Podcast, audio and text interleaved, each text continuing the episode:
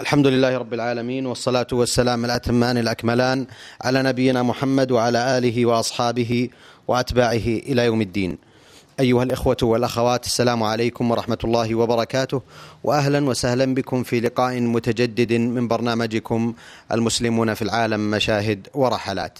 لقاء أسبوعي معتاد نعقده مع ضيفنا الكريم معالي الشيخ محمد بن ناصر العبودي الأمين العام المساعد لرابطة العالم الإسلامي والرحالة والداعية المعروف والذي يتحدث إليكم عن بعض من زياراته ومشاهداته لأحوال المسلمين في العالم. في بدء ومطلع هذا اللقاء.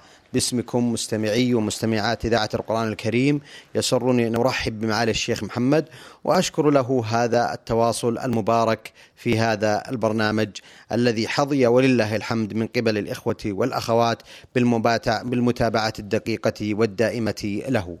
معالي الشيخ محمد لا زال الحديث متصلا بالعديد من المشاهدات لأحوال المسلمين في آه، ربوع روسيا وأقليم أورنبورغ آه، حظي بزيارة من قبل معاليكم. فصلتم العديد من المشاهدات في الحلقات السابقة. أترك لكم المجال لإيضاح مزيد من تلك المشاهدات.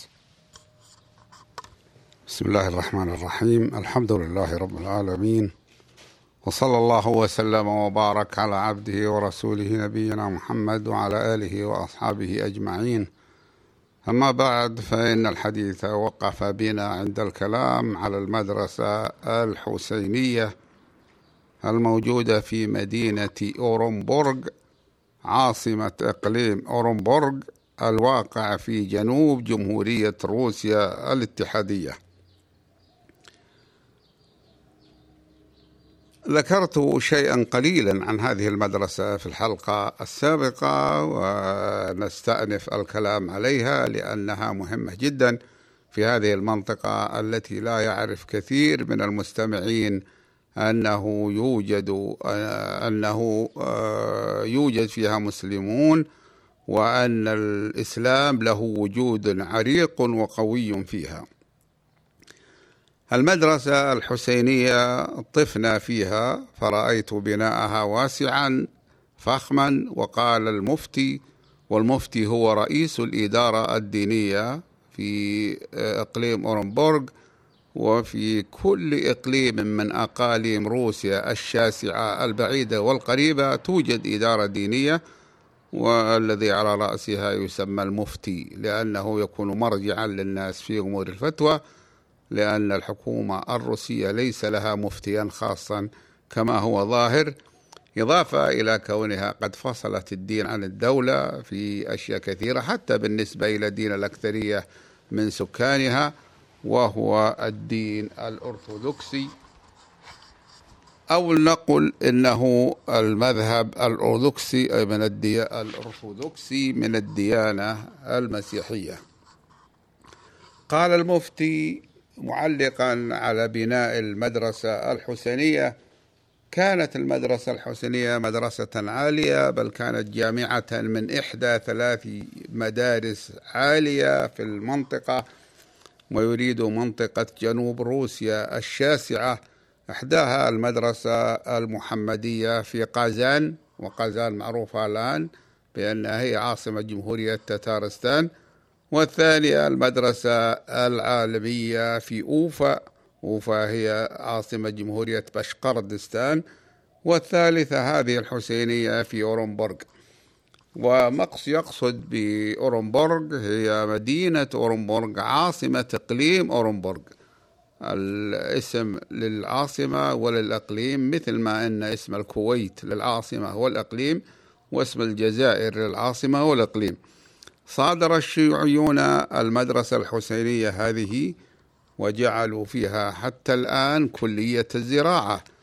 وعندما طالب بها المسلمون أي طالبوا بالمبنى قررت الحكومة الروسية إعادتها إليهم ولكنهم أبقوها فترة لأنهم يقولون إنهم يبحثون عن مقر بديل لكلية الزراعة وأنهم سيجدونه في هذا العام الذي هو عام 1994 تأملت هذا المبنى الإسلامي العظيم فقدرت أنه لو أجر لكانت أجرته مبلغا كبيرا يفيد في دفع مصاريف المشروعات الإسلامية في البلاد وليس المقصود من ذلك تحبيذ أن تستعاد وتؤجر لأننا نريد أن تستعاد وأن تستعمل مدرسة لأبناء المسلمين وبناتهم ولكن المقصود هو تصور ما أضاعه الشيوعيون الذين استولوا عليها عليها وعلى البلاد. تصور ما أضاعوه على المسلمين من فوائد مالية إضافة إلى الفوائد المعنوية العلمية حيث عطلت الدراسة الإسلامية فيها وفي كل مكان في البلاد في العهد الشيوعي المندثر بحكم قانونهم الإلحادي الشيوعي. حتى صار التعليم الإسلامي في هذه المدرسة ومثيلاتها جريمة يعاقب عليها القانون. لأن قانونهم ينص على أنه يجوز للملحد أن يدعو إلى الإلحاد في كل مكان إلا في داخل المعبد وهو هنا المسجد أو الكنيسة.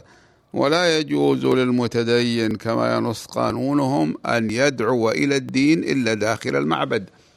فإذا قرنا مساحة الوضعين الموضعين بالقياس الذي آه، بالقياس المادي فقط. نعرف مدى الظلم والإجحاف الذي حل بالدين وأهله في ظل الشيوعية.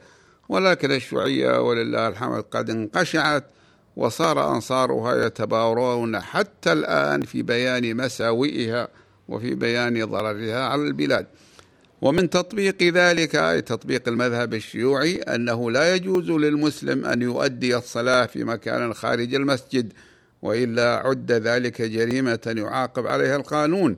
مثلا لو صلى المسلم في حديقة أو صلى المسجد في البرية يعني ولكن ليس في مسجد فإن هذا يعتبر خلاف القانون ويعاقب بالسجن وبعقوبة ربما تكون أكثر من ذلك. وقانونهم شيوعي أعمى لا يعرف الرحمة أو الشفقة.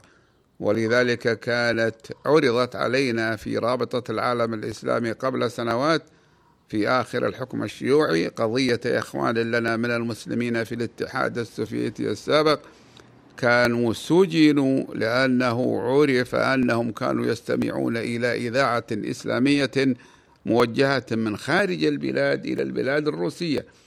قالوا ومدتها مدة عقوبتها في السجن من سنتين إلى أربع سنوات سجن بجريمة أن هذا الرجل أو هذه المرأة استمعت إلى إذاعة إسلامية أو إلى برنامج في إذاعة برنامج إسلامي في إذاعة من الإذاعات الخارجية. فيما يتعلق بالمدرسة الحسينية هذه فإنهم يحفظون أسماء علماء كبار من علماء المسلمين الذين نشأوا في هذه المنطقة ولنقل كما تسمى الآن في هذا الإقليم إقليم أورنبورغ. ذكروا أنهم تخرجوا فيها أو كانوا يدرسون طلابها. منهم مؤلفون وشخصيات مسلمة بارزة. من بينهم الشيخ موسى جار الله وهو مؤلف مشهور. هنا له كتب بالعربية وبالتركية مات في آه، مصر. ومنهم الشيخ فخر الدين بن ضياء الدين. له مؤلفات بالعربية والفارسية والتركية. وقد بنيت المدرسة مع بناء جامع الحسينية. في أول القرن العشرين. يعني الجامع اسمه جامع الحسينية والمدرسة اسمها المدرسة الحسينية وهي بجانبه أي منذ أكثر من تسعين سنة وكان ذلك قبل أن يتسلط الشيوعيون على البلاد بسنوات ويلغوا حرية الإسلام حرية الإنسان في ممارسة الأديان. بناها مع المسجد شخص ثري من أهل إقليم أورنبورغ من قرية قارغالي قرب مدينة أورنبورغ وقرية قارغالي سوف يأتي الكلام عليها بإذن الله وأنها قرية للمسلمين وفيها مسجد عامر مزدهر فيه إمام والمسلمون يعتبرون من كبار أهلها. سيأتي الحديث عن ذلك إن شاء الله في حلقة لاحقة. قالوا والذي بنى هذا المسجد مسجد الحسينية ومدرسة الحسينية اسمه أحمد باي حسين. ذكروا أنه ولد في عام 1837 وتوفي عام 1906 والمدرسة كالمنطقة غارقة في الأشجار الضخمة وحولها بيوت. لازم لا بد أن نذكر أن الأشجار أن غرس الأشجار في هذه المناطق وغيرها لا يكلف شيئا لأن الأشجار تشرب من مياه الأمطار في الصيف وأمطارهم تأتي في الصيف وتشرب مما يتحلب من الثلوج في الشتاء كما هو معروف. وتتبع المدرسة المدرسة تتبعها إثنتا عشرة وحدة سكنية كبيرة. إحدى عشرة وحدة سكنية كبيرة كل وحدة بمثابة منزل منفرد واسع خصصت لتكون مساكن لكبار المدرسين في المدرسة إلى جانب غرف مخصصة لسكن الطلبة الغرباء وهذه كلها كانت من أوقاف المسلمين صادرتها الحكومة الشيوعية ويأمل الإخوة في استرجاعها حالما تخرج كلية الزراعة من المدرسة الحسينية. ولكن المشكلة أنها مسكونة الآن بعدد من الأسر أبوا أن يخلوها إلا بعد أن توفر لهم مساكن بديلة. والحكومة الروسية الحاضرة لا تقر مصادرة الأراضي وتعترف بأن هذه أو من أوقاف المسلمين وأن الذين يشغلون هذه الأسر التي تشغلها هي تشغلها بغير وجه حق. ولكن الحكومة تقول إنهم يريدون أن توفر لهم مساكن بديلة وهذا يحتاج إلى وقت وفيه صعوبة. ولكنهم يقولون إنهم سيتدبرون ذلك يعني الحكومة. وأنها ستعيد المدرسة وتوابعها إلى المسلمين.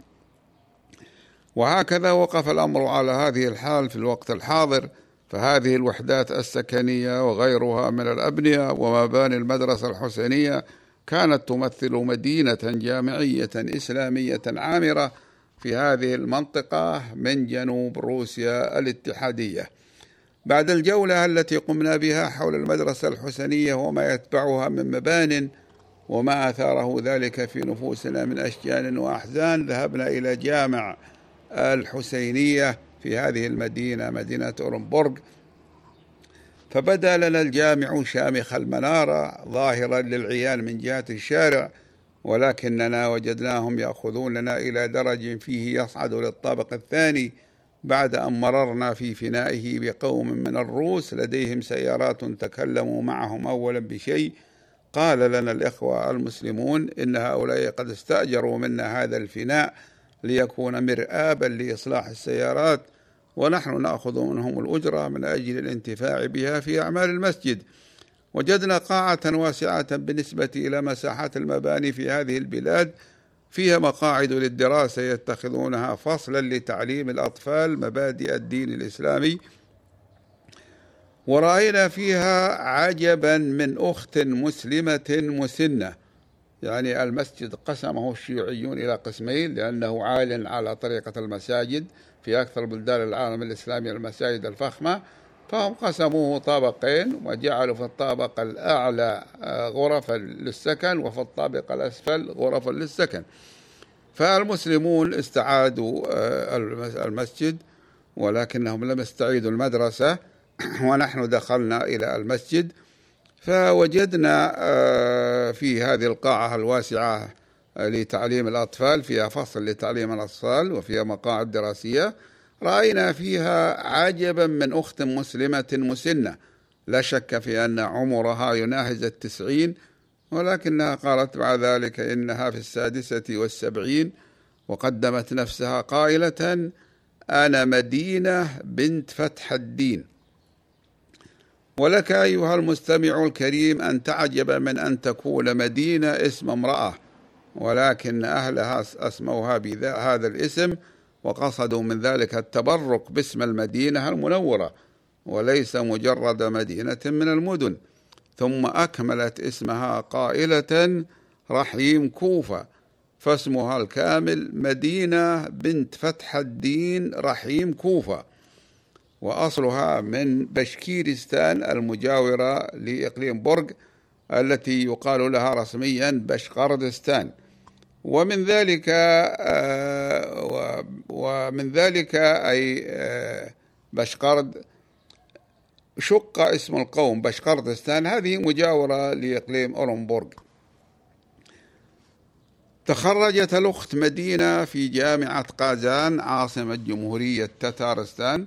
التي هي أيضا من المنطقة الإسلامية أو التي يكثر فيها المسلمون في جنوب جمهورية روسيا الاتحادية. وهي مجاورة تعتبر مجاورة لإقليم أورنبورغ واشتغلت آه، الأخت مدينة بالتدريس وهي متقاعدة الآن لكبر سنها إلا عن البحث العلمي في أمور المسلمين في هذه البلاد فإنها ما زالت تبحث وتفيد الباحثين في ذلك. قالت لنا أبي كان إماما في قرية في بشكيريا والدها كان إمام مسجد ثم أخذت الأخت الأخت أو لنقل العمة والأولى أن يكون وصفها بالعالمة الجليلة مدينة تتحدث مباشرة وبتدفق غريب عن المدرسة الحسينية هذه. وأخرجت مجلدا ضخما من تأليفها في تاريخ هذه المدرسة أطلعتنا مباشرة على نسخة منه مكتوبة باللغة التتارية التي هي لغة أكثر المسلمين في هذه المنطقة وهي إحدى اللغات المتفرعة من التركية القديمة المسمى بالجغتاوية. وأخذت تقلب صفحات الكتاب الضخم في صفحات الكتاب الضخم في تاريخ الحسينية. الذي هو تاريخ الثقافة العربية الإسلامية في إقليم أورنبورغ وما حوله من البلاد من جنوب روسيا بل وتاريخ العاملين فيها من العلماء والزعماء المسلمين. وقد جمعت فيه إحصاءات ووثائق وحلته بصور قديمة نادرة لأشخاص عاشوا قبل الشيوعية أو ماتوا في أول عهدها. من مؤسس المدرسة الحسينية المحسن الكبير أحمد بابي إلى غيره من العلماء والشعراء والزعماء وعنوان الكتاب المدرسة الحسينية في أورنبورغ. ذكرت الأخت مدينة أن غورباتشوف زعيم الاتحاد السوفيتي الفارط كان أمر بترجمة هذا الكتاب إلى اللغة الروسية وطبعه على نفقة الدولة. قالت وقد نفذ أمره وصف على الحاسب الآلي ولم يبقى إلا الطبع فسقط قرباتشوف وسقط بعده الاتحاد السوفيتي وبقي الكتاب حبيس مسودته كما كان من قبل. والغريب أنها ترجمته إلى اللغة الإنجليزية وهدت إلينا نسخة بالإنجليزية قالت إنكم أولى من تهدى إليها إليه هذه النسخة من هذا الكتاب الذي يتحدث عن الأحوال الثقافية التي كان عليها المسلمون في هذه المنطقة من جنوب روسيا. وقد أهدتنا اللغة باللغة الإنجليزية النسخة باللغة الإنجليزية لأن تعرف أن اللغة التتارية لغة الكتاب الأصلية يقل من يعرفها في بلادنا. والنسخة محلات بالصور مثل الأصل ولا شك في أن هذا قد كلفها مالا وجهدا. وقد استمرت العالمة السيدة المسلمة مدينة تتدفق بالمعلومات المهمة عن الناحية الثقافية للمسلمين. فما فكان مما قالته إن الشيخ ولي بن عبد الغني باي درس في مكة المكرمة حيث ذهب من أورنبورغ إلى مكة في حدود عام 1900 وبقي عدة سنوات ثم عاد وألف كتاب الدين والحياة باللغة التتارية. كنا نستمع إلى حديثها ونحن جميعا جالسون على مقاعد الدراسة في هذا الفصل الدراسي من الطابق الثاني المصطنع المحدث في جامع الحسينية. وأنا أفكر فيما أفاضت به هذه الأخت المسلمة من معلومات وما أظهرت من اهتمام بأحوال المسلمين وما ينضح به حديثها من غيرة على الإسلام والمسلمين. وأقول في نفسي لقد قامت هذه الأخت المسلمة بما لم يقم به الرجال من بني قومها. ثم تذكرت أن هذه سنة عرفتها من أخواننا التت... من أخواتنا التتريات في مناطق عديدة من البلدان الشيوعية ابتداء من بولندا ودول البلطيق إلى أنحى من اتحاد روسيا. فعرفت أن نشاط الأخوات التتريات في الجمعيات الإسلامية والعمل للثقافة الإسلامية بقدر جهدهن المحدود. لا يكلف الله إلا لا يكلف الله نفسا إلا وسعها وعملهن هو أكثر من عمل الرجال. لم تترك العالمة الجليلة مدينة لنا فرصة لسؤالها والاستفصال منها عن بعض الأمور بل استمرت تتحدث على عادة كبار السن قائلة هل جئتم هنا لتروا المسلمين يذهبون وينقرضون وأنتم تتفرجون على مأساتهم؟ أم جئتم لتساعدوهم؟ ثم علقت على سؤالها ذلك بدون أن تنتظر الجواب منا. قائلة المسلمون موجودون ولكنهم مذنبون. إنهم يشربون الخمر مثل الروس أو أكثر مما يشربها الروس.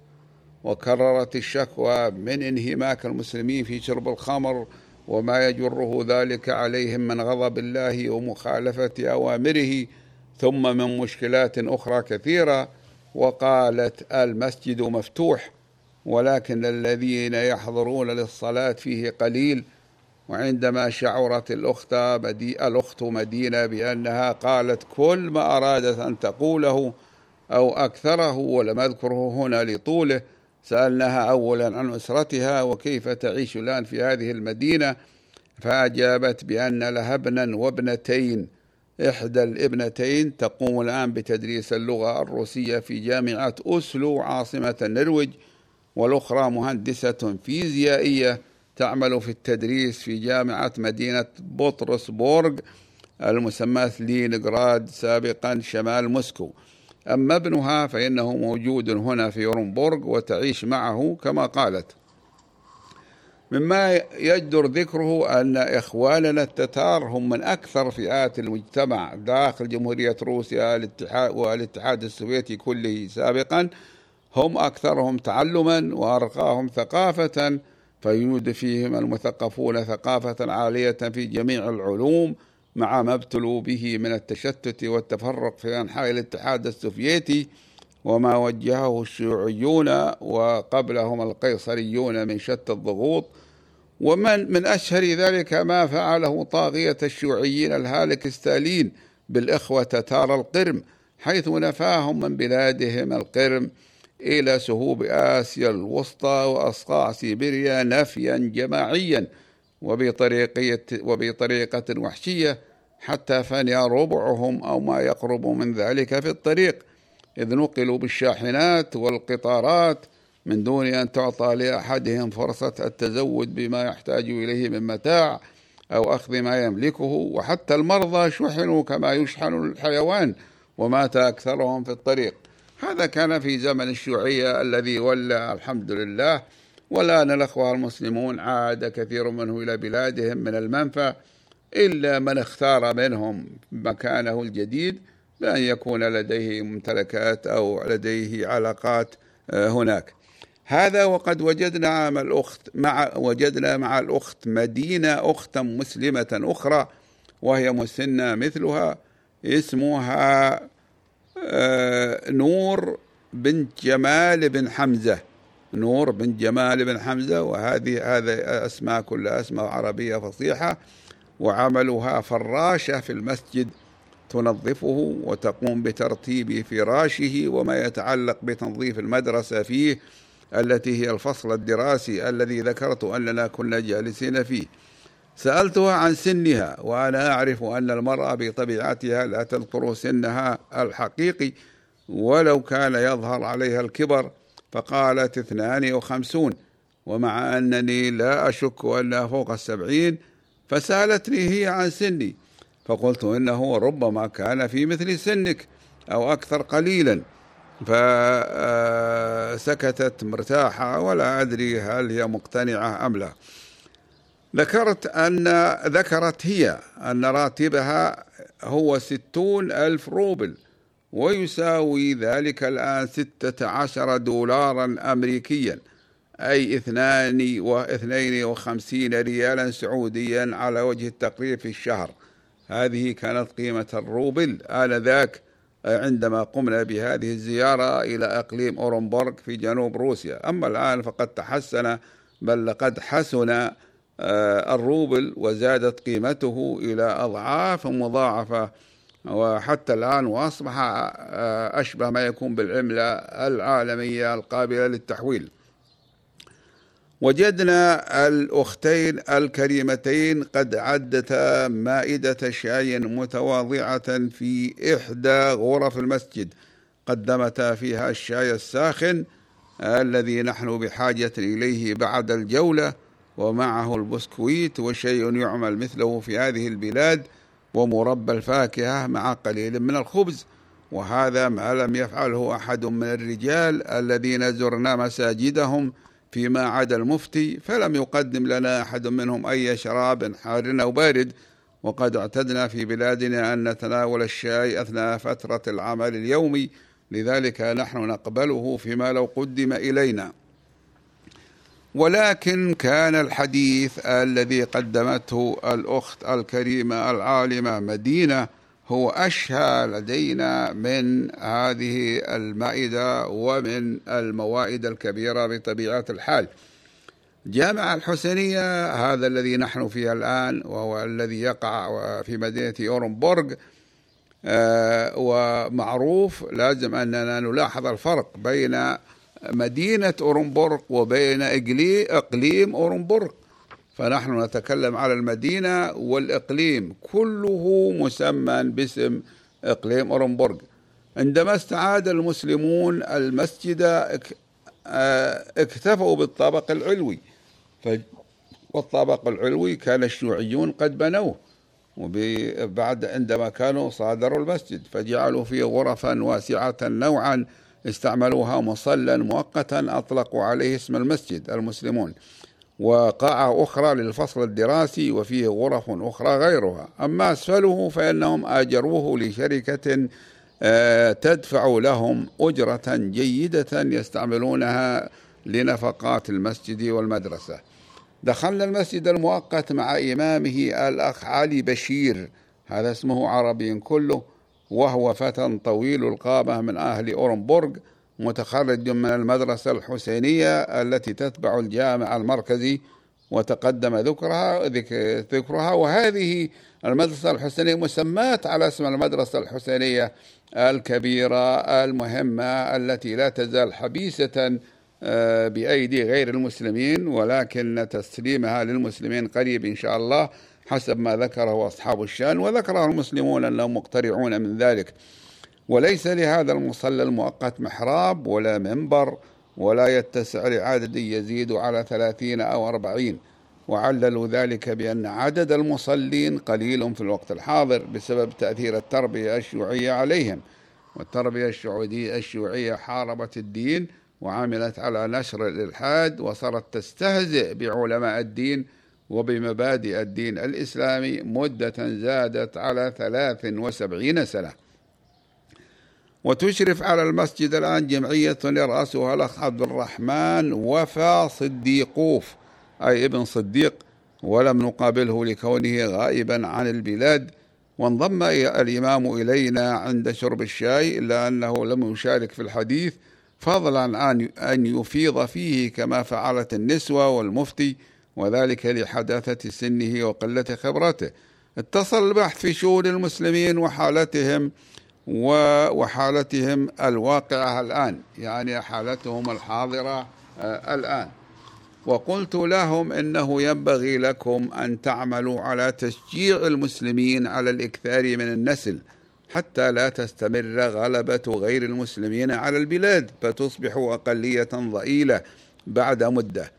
قلت ذلك لأنني علمت بأن المسلمين في روسيا لا يزيد عددهم بالسرعة المطلوبة فلا تكون لهم ذرية كبيرة كما في آسيا الوسطى وإنما آه، وإنما أولادهم أو نقل أنسالهم ليست بعيدة عن أنسال غيرهم من غير المسلمين من أهل البلاد يعني ليست بعيدة في العدد. وقلت ينبغي أن تشجعوا الزواج المبكر بزيادة الأولاد كما ينبغي أن تشجعوا زواج المسلم بأكثر من زوجة واحدة فالإسلام يبيح ذلك ولكن نعرف أن له هناك ضوابط وله شروط ولكنه يشجع على زيادة النسل. وهنا ضحكت العجوزان وبان الاستغراب على محياهما, محياهما ولم تعلق على ذلك بشيء لأنهما لم تكونا تتوقعان.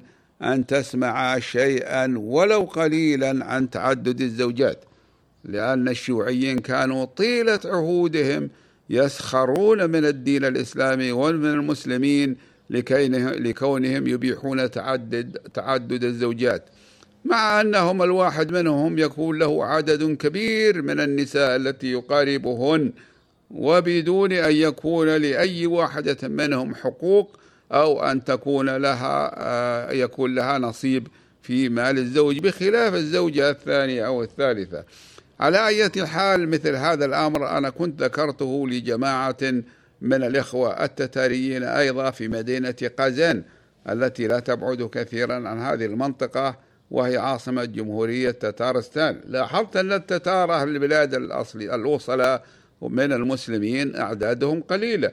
والسبب في ذلك أنهم أنسالهم ليست كثيرة وأن البلاد بلاد خصبة ودافئة نوعا ما بالنسبة إلى شمال روسيا لذلك هاجر إليها عدد من المواطنين الروس غير المسلمين حتى أصبح أهل البلاد من المسلمين الذين هم التتار هناك. أصبح أصبحت نسبتهم 42% أي صاروا أقلية. نحن لا يمكن أن نعترض على تهجير الروس أو غيرهم أو على هجرتهم إلى هذه البلاد لأن التتار أيضا يذهبون إلى أي مكان في روسيا الاتحادية فهي بلادهم وبلاد الروس الآخرين من غير المسلمين. ولكننا ننصحهم بأن يعملوا على الإكثار من أنسال المسلمين حتى لا يكونوا أقلية آه، في البلاد. هذا آه، الأمر يكون أحيانا موضع سخرية. من الذين يسمعونه من أهل البلاد لأنهم كانوا يسمعون طيلة السنوات السخرية من المسلمين لتعدد الزوجات ولا يسخرون من أنفسهم لكون الرجل منهم غير المسلم يقارب عشرات من النساء وهذا أمر مخالف للعقل. ولكن هكذا عدم المنطق وعدم السير على السير بالأمور على حقيقتها. وقد اتفق رأي الجميع على أن الوقت الحالي هو وقت مناسب للعمل على رفع المستوى الثقافي للأقليات العددية المسلمة في روسيا سواء كانت في الأقاليم الجنوبية أو غيرها لأن الحكومة الروسية الحاضرة حكومة جيدة مجاملة للمسلمين ولا تبدي أي شيء ضد التقدم المسلمين ولا ضد ما يريدون لدينهم. ولذا لا بد من العمل على تهيئة أسباب القوة وإثبات الوجود بكل الوسائل المستطاعة وهي وسائل قانونية ومنها تكثير العدد بزيادة السكان وفي الوقت نفسه رفع المستوى الثقافي للمسلمين. أحسنتم معالي الشيخ محمد في ختام هذا اللقاء. أتوجه بالشكر الجزيل بعد شكر الله سبحانه وتعالى إلى ضيفنا الكريم معالي الشيخ محمد بن ناصر العبودي الأمين العام المساعد لرابطة العالم الإسلامي والذي تحدث إليكم عن بعض من جولاته وزياراته ومشاهداته لأحوال المسلمين في العالم. نلقاكم, نلقاكم أيها الإخوة والأخوات على خير في مثل هذا اليوم من الأسبوع القادم. وتقبلوا تحية مني محدثكم محمد بن عبد الله مشوح. السلام عليكم ورحمة الله وبركاته.